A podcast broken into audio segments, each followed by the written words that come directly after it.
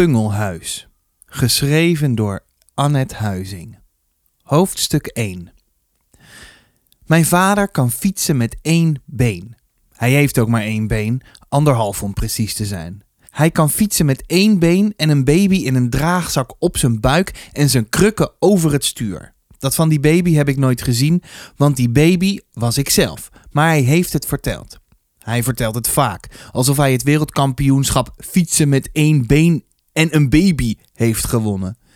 Je had me moeten zien, begint hij dan. Ging ik met jou op de fiets naar de crash, stond iedereen naar me te kijken. Sommige moeders zeiden recht in mijn gezicht dat het onverantwoord was. Onverantwoord met zo'n jonge baby. Wat als ik zou vallen? Maar ik viel niet. Waarom zou ik vallen? De meeste mensen vonden het juist stoer, toch? Ja, ze dromden om me heen hoor, de vrouwen. Ik had toen nog een flinke bos haar op mijn hoofd. En ze keken ook naar mij. Ik weet het al lang, maar ik wilde mijn vader telkens weer horen zeggen. Och, Ole, je was zo'n komisch ventje, met je rode krullen. En als ik dan een stilte laat vallen, zegt hij: Je bent nog steeds een leuke vent, hoor. Dat bedoel ik. Mijn vader is zo geboren, met anderhalf been. Slechte genen, zegt hij altijd. Arie was ook al mislukt, maar dat hadden mijn ouders nog niet in de gaten toen ik op komst was. Anders waren ze nooit aan een tweede begonnen. Ik heb toch ook een beetje dezelfde genen? Heb ik wel eens gevraagd. We hadden het op school gehad over DNA en erfelijkheid.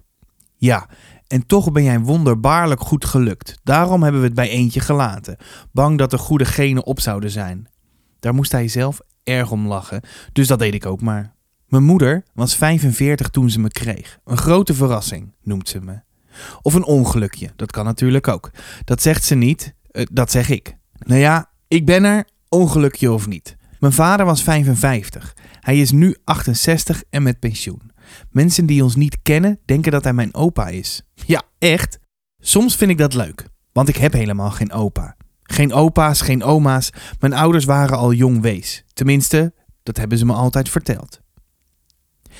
In groep 7 op mijn vorige school hadden we een keer een familieproject en Amélie mocht vertellen over haar stiefzusjes en halfbroertjes en de nieuwe man van haar moeder en de nieuwe vrouw van haar vader en dat ze daardoor dus vier opa's en vier oma's had.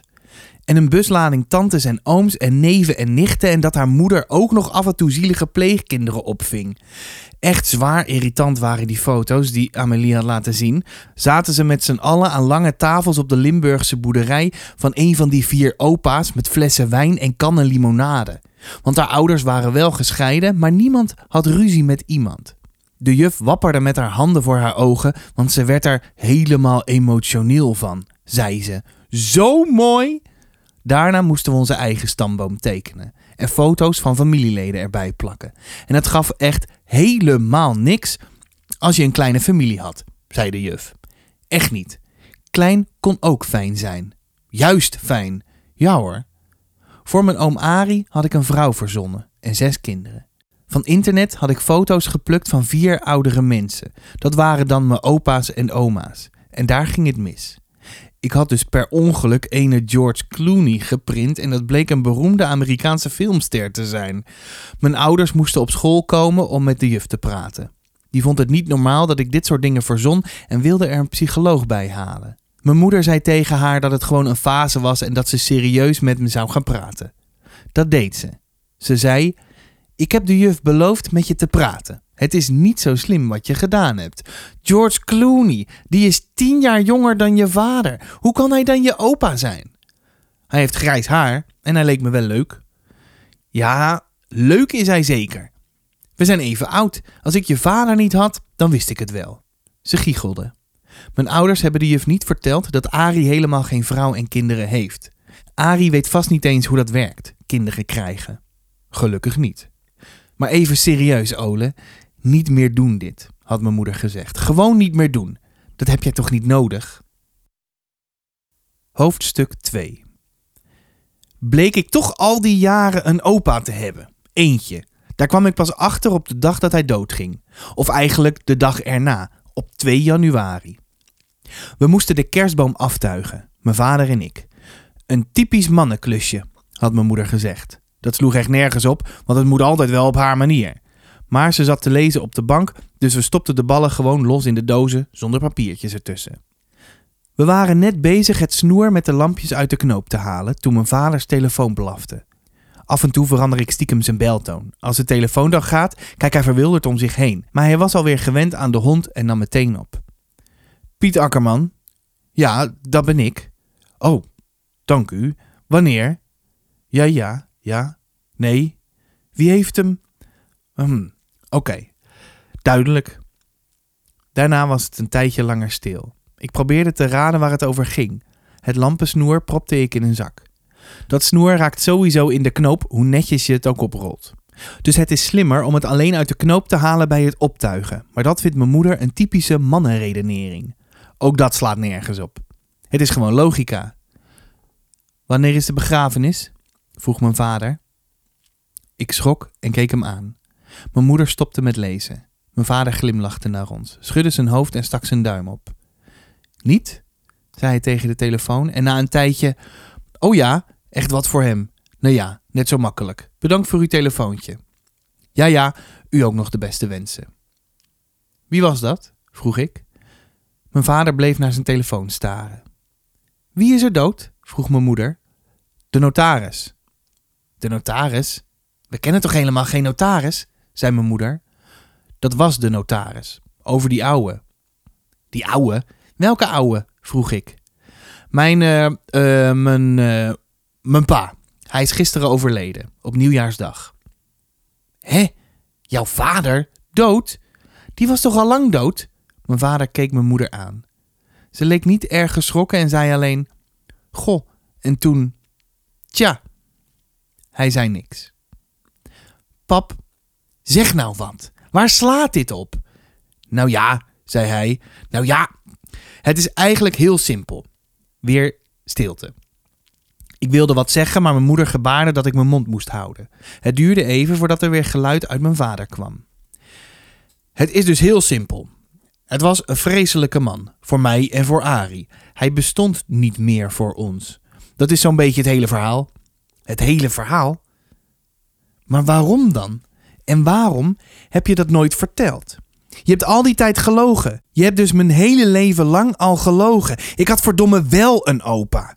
Ik had al die tijd een opa en jij hebt dat nooit verteld. Ik ontplofte zowat en kreeg zin om hem tegen zijn goede been te schoppen. Er wordt hier niet gevloekt, zei mijn vader. Hij ging naast mijn moeder op de bank zitten en keek naar de kerstboom. Mam, waarom zeg jij niks? Het is je vaders keuze om er niet over te praten. Dat moeten we respecteren. Respecteren, ja hoor. En zij vindt dat je overal over moet praten. Het liefst trekt ze de woorden eigenhandig uit je mond. En waar woonde hij eigenlijk? Ik keek naar mijn vader.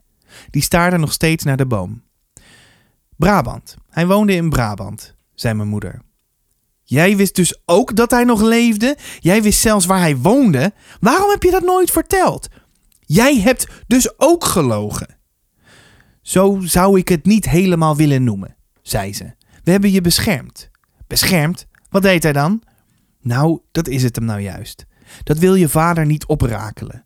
Maar het is toch mijn opa? Ja, schatje, dat is wel zo, maar ze trok me naar zich toe. Ik haat het als ze schatje zegt. Ik rukte me los en wilde naar mijn kamer. Bij de deur draaide ik me om. Wanneer is de begrafenis? En waar? Ik wil het weten, daar heb ik recht op. Dat laatste wist ik niet zeker. Maar ik wilde mijn opa nog zien, in de kist. Ik zou er gewoon naartoe gaan. Alleen had ik nog nooit een dode gezien. Ja, Piet, wanneer is de begrafenis? Of wordt hij gecremeerd? vroeg mijn moeder.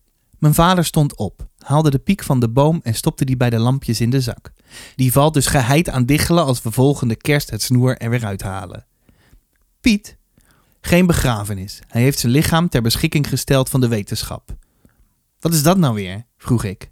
Dat is voor artsen in opleiding, zei mijn moeder. Die kunnen dan oefenen met snijden. Zo'n lichaam conserveren ze zodat het een tijdje houdbaar blijft. En Getvar, hou op.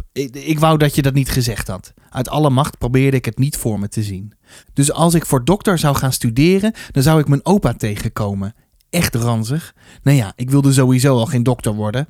We hebben er geen omkijken meer naar. Hij is al opgehaald, zei mijn vader. Hij deed de dozen met kerstballen dicht en stapelde ze op elkaar. Waar is hij nu dan? vroeg ik. Ergens op een universiteit, denk ik, in een koelcel. Zonder kleren? Hoe weet ik dat nou? Het kan me trouwens ook niks schelen. Weet Arie het al? vroeg mijn moeder. Misschien hebben ze een wit laken over hem heen gedaan, zei ik. Ze luisterde niet. Ik ga nu naar Ari toe.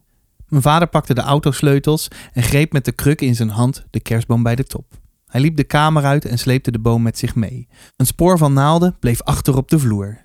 Bij de deur draaide hij zich om. Oh ja, we hebben een erfenis. We hebben het huis in Brabant geërfd.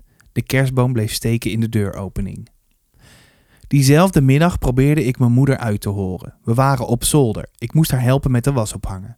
Ze wist alleen dat het huis ergens in de buurt van Orpel lag, vlakbij de Belgische grens in het oosten van Brabant. Ze was er nooit geweest en ze had mijn opa nooit ontmoet. Je vader heeft mij ook niet veel verteld hoor. Hij wilde een streep zetten onder het verleden. We zijn met een schone lei begonnen toen we elkaar leerden kennen. Met een knal sloeg ze een handdoek uit voordat ze hem ophing. We wilden onszelf opnieuw uitvinden, snap je? Nee, dat klinkt echt belachelijk. Volgens mij wist ze veel meer dan ze nu vertelde. We leven in het nu. Ze klapte weer een handdoek uit. Blijf niet hangen in het verleden. Droom niet van de toekomst, maar concentreer je geest op het huidige moment. Soms zei ze echt wel goede dingen, maar nu was ze zwaar aan het raaskallen. Boeddha, zei ze erachteraan.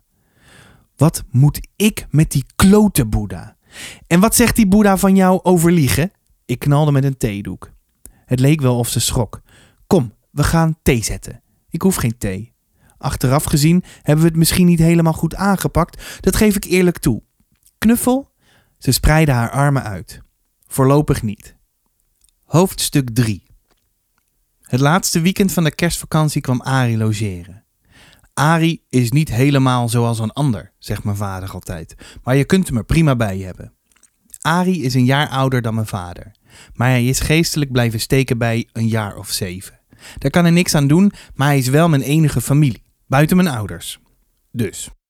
Hij is zo mager dat zijn overhemd een eindje van zijn nek afstaat. Dan steekt er zo'n dun stokje uit zijn boord en daarop een lang smal hoofd met een grote zwarte bril. Hij vindt het grappig als ik oom Ari tegen hem zeg. Jij bent mijn neefje en ik ben jouw oom. Dat zegt hij vaak en dan moet hij vreselijk lachen. Alsof hij ook wel doorheeft dat ik inmiddels ouder ben dan hij. In mijn hoofd bedoel ik. En daardoor denk ik soms dat hij stiekem toch alles snapt, maar helemaal geen zin heeft om volwassen te worden. Sommige mensen denken dat hij een gewone meneer is omdat hij een stropdas draagt. Maar zodra hij lacht, hoor je het.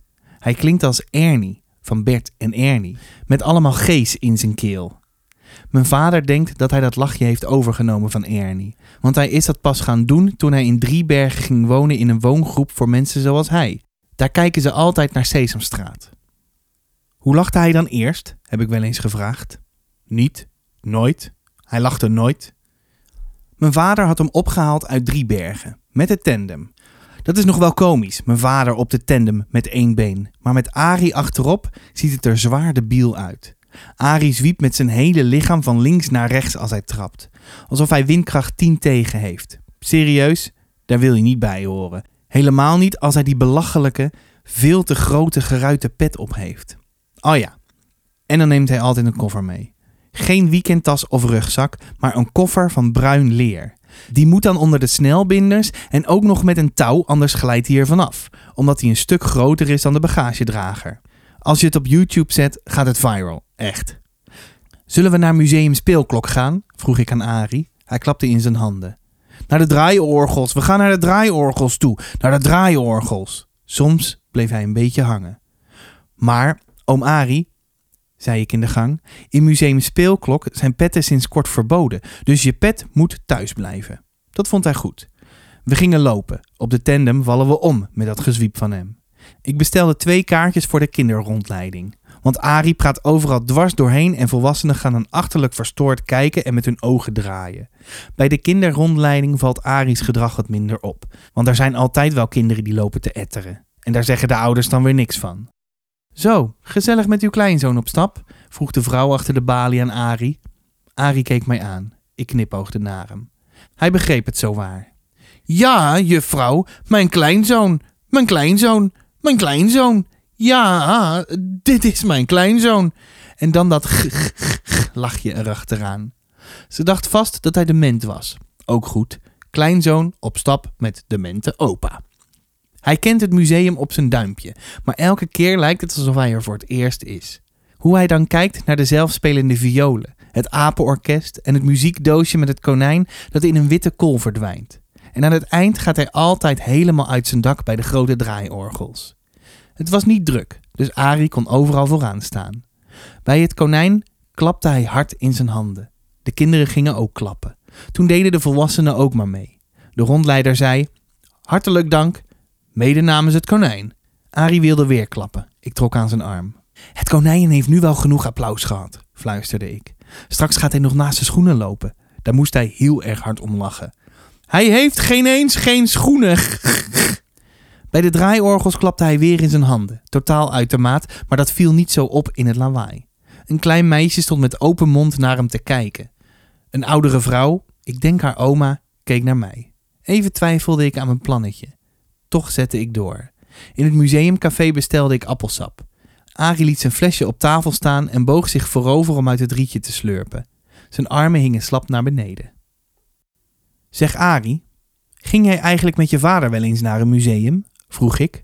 Arie schoot overeind. Hij is dood, dood, dood, dood. Hij zei het nogal hard. De mensen aan het tafeltje naast ons keken onze kant op. Ja, dat weet ik, zei ik zacht. Ik bedoel vroeger, toen je klein was. Deed je toen wel eens iets leuks met je vader? Naar de speeltuin of zo? Hij schudde zijn hoofd. Plukjes haar zwiepte heen en weer. Ik wil weg, weg, naar huis. Ik wil naar huis, naar huis, naar huis. Hij praatte nog steeds keihard en bleef met zijn hoofd schudden. Wil je niet over je vader praten? vroeg ik nog, maar ik kon mezelf wel voor mijn kop slaan. Hij deed zijn handen voor zijn oren en begon heen en weer te wiegen terwijl hij alsmaar nee, nee, nee zei. De vrouw naast ons vroeg of het ging. Ja, gaat zo over. Zo'n aanval heeft hij wel vaker. Ik had geen idee. Ik gaf hem zijn appelsap aan. Er zat nog een bodempje in. Hij hield zijn handen stijf op zijn oren. Zullen we gaan? vroeg ik. Hij reageerde niet. Ik durfde hem niet alleen te laten om onze jassen uit de garderobe te pakken. Hij bleef maar wiegen met zijn handen op zijn oren. Een serveerster liep langs ons tafeltje om glazen op te halen. Hebt u ijs? vroeg ik. Of iets anders zoets? We hebben appeltaart en muffins. Doe maar een muffin met slagroom. De muffins zijn op. Echt bij de hand. Dan graag appeltaart met extra veel slagroom, alstublieft, als dat kan. Ze keek naar Ari en toen weer naar mij. Wil die meneer niks? Het is voor hem, zei ik. Ik hoef niks. Ze had inderdaad een enorme kledder slagroom op de appeltaart gespoten en zette het bordje voor Ari neer. Hij hield op met wiegen en zat een tijdje naar de taart te kijken. Toen haalde hij één hand van zijn oor, pakte het vorkje en begon aan de slagroom. Hij werkte het naar binnen alsof hij een week niet gegeten had. Wil je nog een flesje appelsap bij je appeltaart? vroeg ik. En ja hoor, hij haalde ook zijn andere hand van zijn oor. Appelsap en appeltaart, appelsap en appeltaart, dat rijmt, zei hij. Ja, wat rijmt dat hè? Ik lachte mee. En toen ging hij nog harder lachen en ik ook. Hij bleef er zo wat in. De mensen naast ons konden me niks meer schelen. De serveerster knipoogde naar me. Ik stak mijn duim naar haar op. Op de terugweg hadden we het over het konijn en de draaiorgels. Wat was het leuk, hè? zei ik. En wat hebben we gelachen om de appelsap en appeltaart? Hij begon weer te lachen. Dat rijmt, hè? Dat rijmt, dat rijmt. Mijn moeder vond het zo lief dat ik Arie had meegenomen naar het museum. En toen Arie vertelde dat hij appelsap en appeltaart had gekregen, zei ze dat ze me een schatje vond. Echt een hele grote lieverd ben je. Het ergste vond ik nog dat ik tegen Arie had gezegd dat petten verboden waren in het museum. Hoofdstuk 4 Mijn opa was dood, maar we hadden het er niet meer over. En we hadden een erfenis, maar er veranderde niks. Het huis stond inmiddels drie maanden te koop. Mijn vader is niet eens gaan kijken. De notaris had een makelaar het oorpol aanbevolen. Een erg geschikte kerel, en die ging alles regelen. U hebt er geen omkijken naar, had de makelaar door de telefoon gezegd. Wij zijn specialist in ontzorgen. Mijn ouders moesten wel een aanbetaling doen van 5000 euro waar mijn vader flink op heeft zitten zweten. Maar de makelaar had uitgelegd dat dat voor de opstartkosten was. Die in dit bijzondere geval natuurlijk hoger waren dan normaal. Dat begrijpt u natuurlijk wel. Begrijp jij dat? vroeg mijn vader aan mijn moeder. Betaal nou maar gewoon, zei ze. Dus dat deed hij. En toen hadden we het ook niet meer over het huis. Ja, ik ben er een keer over begonnen bij mijn vader. We waren op de fiets naar Ari geweest, onze vaste route.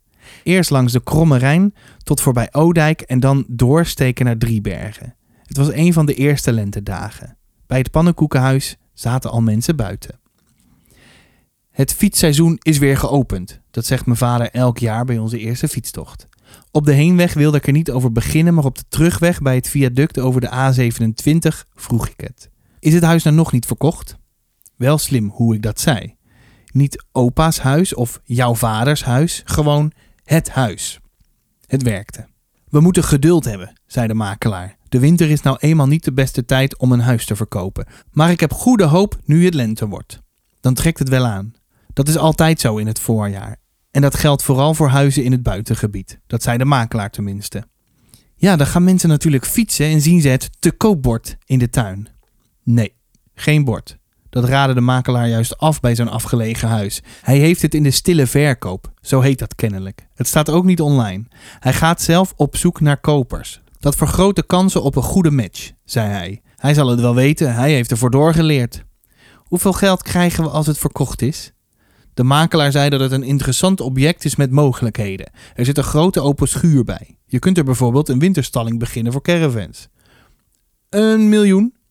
Nee, nee, dat ook weer niet. Maar een paar ton verwacht ik toch wel. Het is een oud huis en het voldoet niet meer helemaal aan de eisen van deze tijd, zei de makelaar. Qua sanitair en zo. Er zit wel een grote lap grond bij met diverse opstallen, dus dat is wel gunstig. Opstallen? Schuurtjes en zo. En wat gebeurt er met de spullen als het huis verkocht is? Weer het woord opa vermeden. De spullen en het huis. Dit ging goed, het werkte. Mijn vader bleef antwoord geven. De kringloopwinkel heeft de boel al leeggehaald. En de makelaar heeft er een schoonmaakploeg op gezet. Dus we hoeven niks te doen. We fietsten door het Wilhelmina Park. Iemand had een bos rode tulp bij koningin Wilhelmina gelegd. Ik vind het een grappig beeld. Ze lijkt een soort van oma. Dat was ze natuurlijk ook. En best wel dik. Of misschien had ze alleen een dikke jas aan en een dikke sjaal om. Als ik er in mijn eentje langs fiets, roep ik altijd: Hoi majesteit. Kunnen we er niet een keer naartoe? vroeg ik. Naar Orpel? Op de weg letten, Ole. Die auto's geven je vaak geen voorrang. Ze hebben het veranderd. Wij hebben voorrang, maar die auto's letten niet op. Dus dat moet je zelf doen. Altijd zelf opletten en hand uitsteken als je de rotonde verlaat. Je hele arm, Ole. Niet alleen je hand. Anders zien ze het toch niet. Ongelooflijk. Heb jij nou je verkeersdiploma gehaald? Ongelooflijk. Op de burgemeester Rijgerstraat ging hij voor me rijden en zo fietsten we naar huis. Hoofdstuk 5 Twee maanden later veranderde er toch iets. Het begon ermee dat mijn vader me appte. Of ik na school meteen, met hoofdletters dus, naar huis wilde komen, want ze wilde iets met me bespreken. Wat dan? appte ik terug. Kom dan maar snel naar huis. Ik wist niet of ik het wel wilde horen.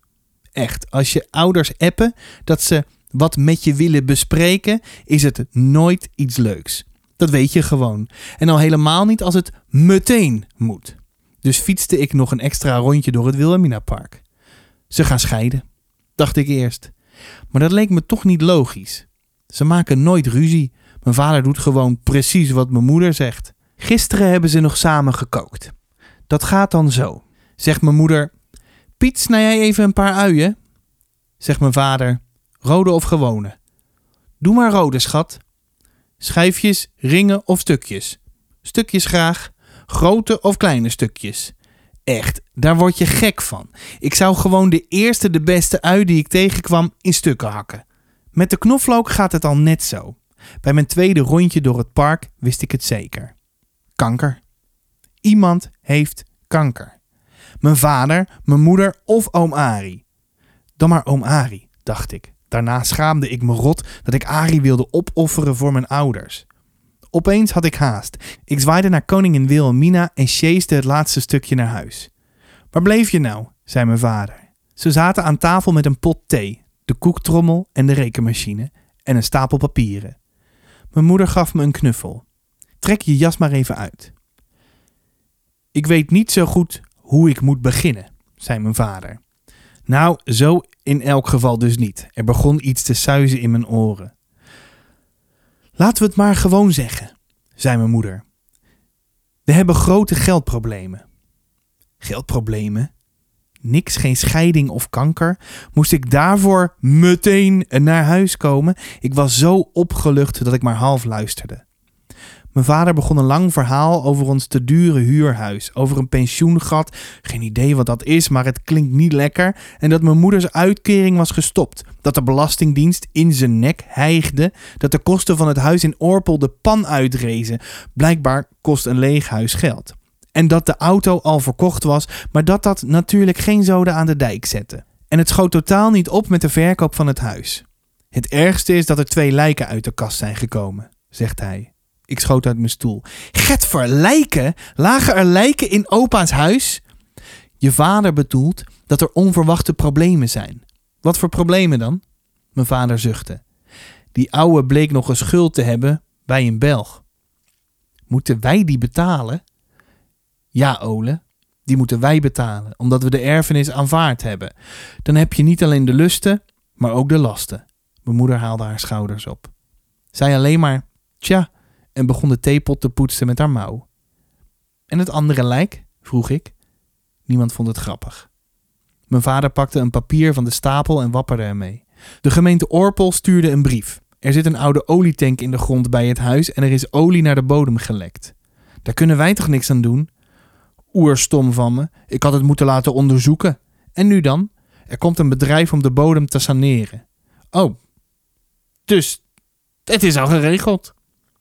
En dat moeten wij betalen. Dat vind ik echt nergens op slaan. Kun je geen bezwaar maken of zo? Mijn vader zuchtte weer. Ole, jij hebt er geen verstand van. Ik heb alles al geprobeerd. Het punt is dat we met al die schulden onze huur niet meer kunnen betalen. We moeten hier weg. Mijn vader begon de papieren allemaal dubbel te vouwen. Ik keek naar mijn moeder. Ze glimlachte. Nog een theetje? Hoezo, we moeten hier weg? vroeg ik. Even hoopte ik dat ik het verkeerd begrepen had. We gaan verhuizen, zei mijn moeder. Koekje erbij? Verhuizen? Wat is dat nou weer voor belachelijks? Ik wil helemaal niet verhuizen. Ik wil hier niet weg. Waar naartoe dan? Toch niet naar zo'n flat in Overvecht? Een vriendje van vroeger woonde daar. De lift stonk er zo naar pies dat we altijd de trap namen. Tien hoog. Mijn vader keek naar mijn moeder en toen weer naar mij. We gaan voorlopig naar Orpel.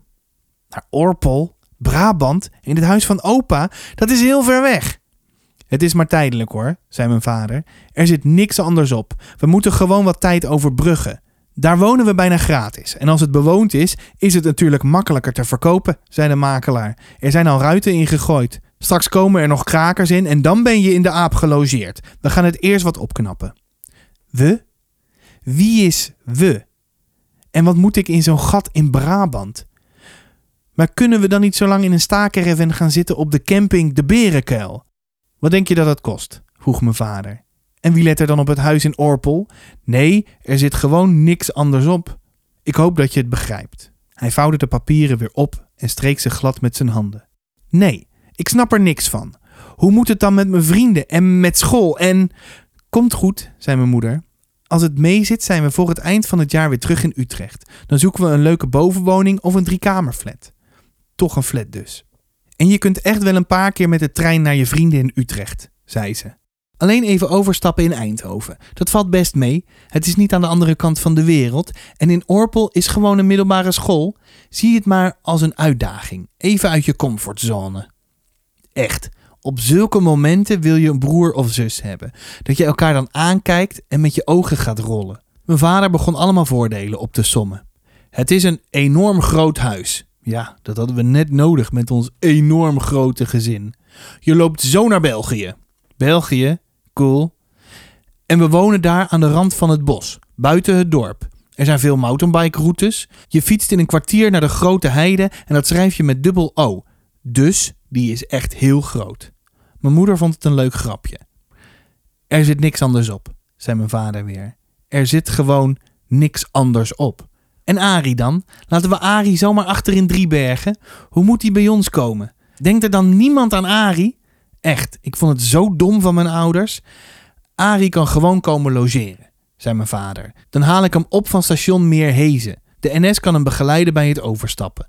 Dus dat had hij al helemaal uitgezocht. Wat vind je ervan? vroeg mijn moeder, alsof ik nog iets te vinden had. Wanneer gaan we? De laatste week van juli, zei mijn vader. Als jouw vakantie begint. Dus je gaat niet naar Tibet? zei ik tegen mijn moeder. Toen bleef het stil. Benieuwd hoe Ole het zal gaan hebben in het Brabantse Orpel? Op naar de boekhandel of de biep om het pungelhuis te halen. Alleen dan kom je erachter waarom Ole's vader zijn opa verborgen heeft gehouden en dat er botersmokkelaars in het spel zijn. Neem niet